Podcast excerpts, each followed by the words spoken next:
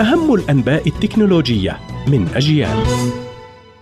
أهلا وسهلا بكم إلى نشرة التكنولوجيا من أجيال. خدمة التراسل الفوري واتساب تضيف مجموعة من الميزات الجديدة لحالات واتساب تشبه خاصية الحالة في سناب شات وفيسبوك وإنستغرام إذ تتيح مشاركة التحديثات المؤقتة مع الأصدقاء وجهات الاتصال المقربة.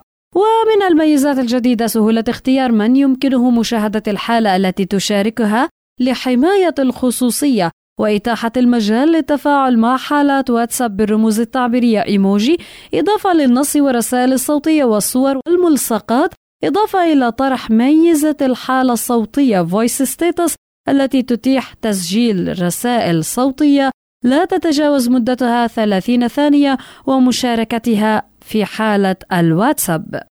مايكروسوفت تعلن تعطيل متصفح Internet Explorer الحادي عشر على الأجهزة العاملة بنظام التشغيل Windows 10 عبر تحديثها متصفح آخر Edge وكانت الشركة حذرت سابقا من أنها ستعطل Internet Explorer 11 بشكل نهائي هذا الشهر وتحث مايكروسوفت منذ سنوات المستخدمين على التبديل إلى Edge مع تفعيل وضع Internet Explorer نظرا إلى أنه يتيح التوافق مع الإصدارات السابقة من المتصفح وسيتلقى الدعم حتى عام 2029 على أقل تقدير.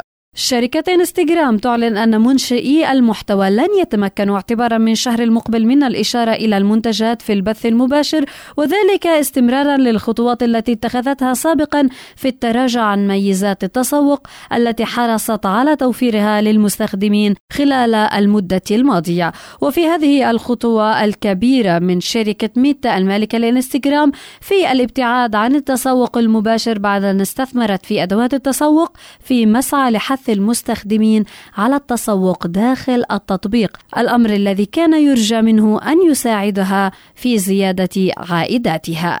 هذا ما كان لدينا في نشر التكنولوجيا من أجيال. قرأتها عليكم ميسم البرغوثي. إلى اللقاء.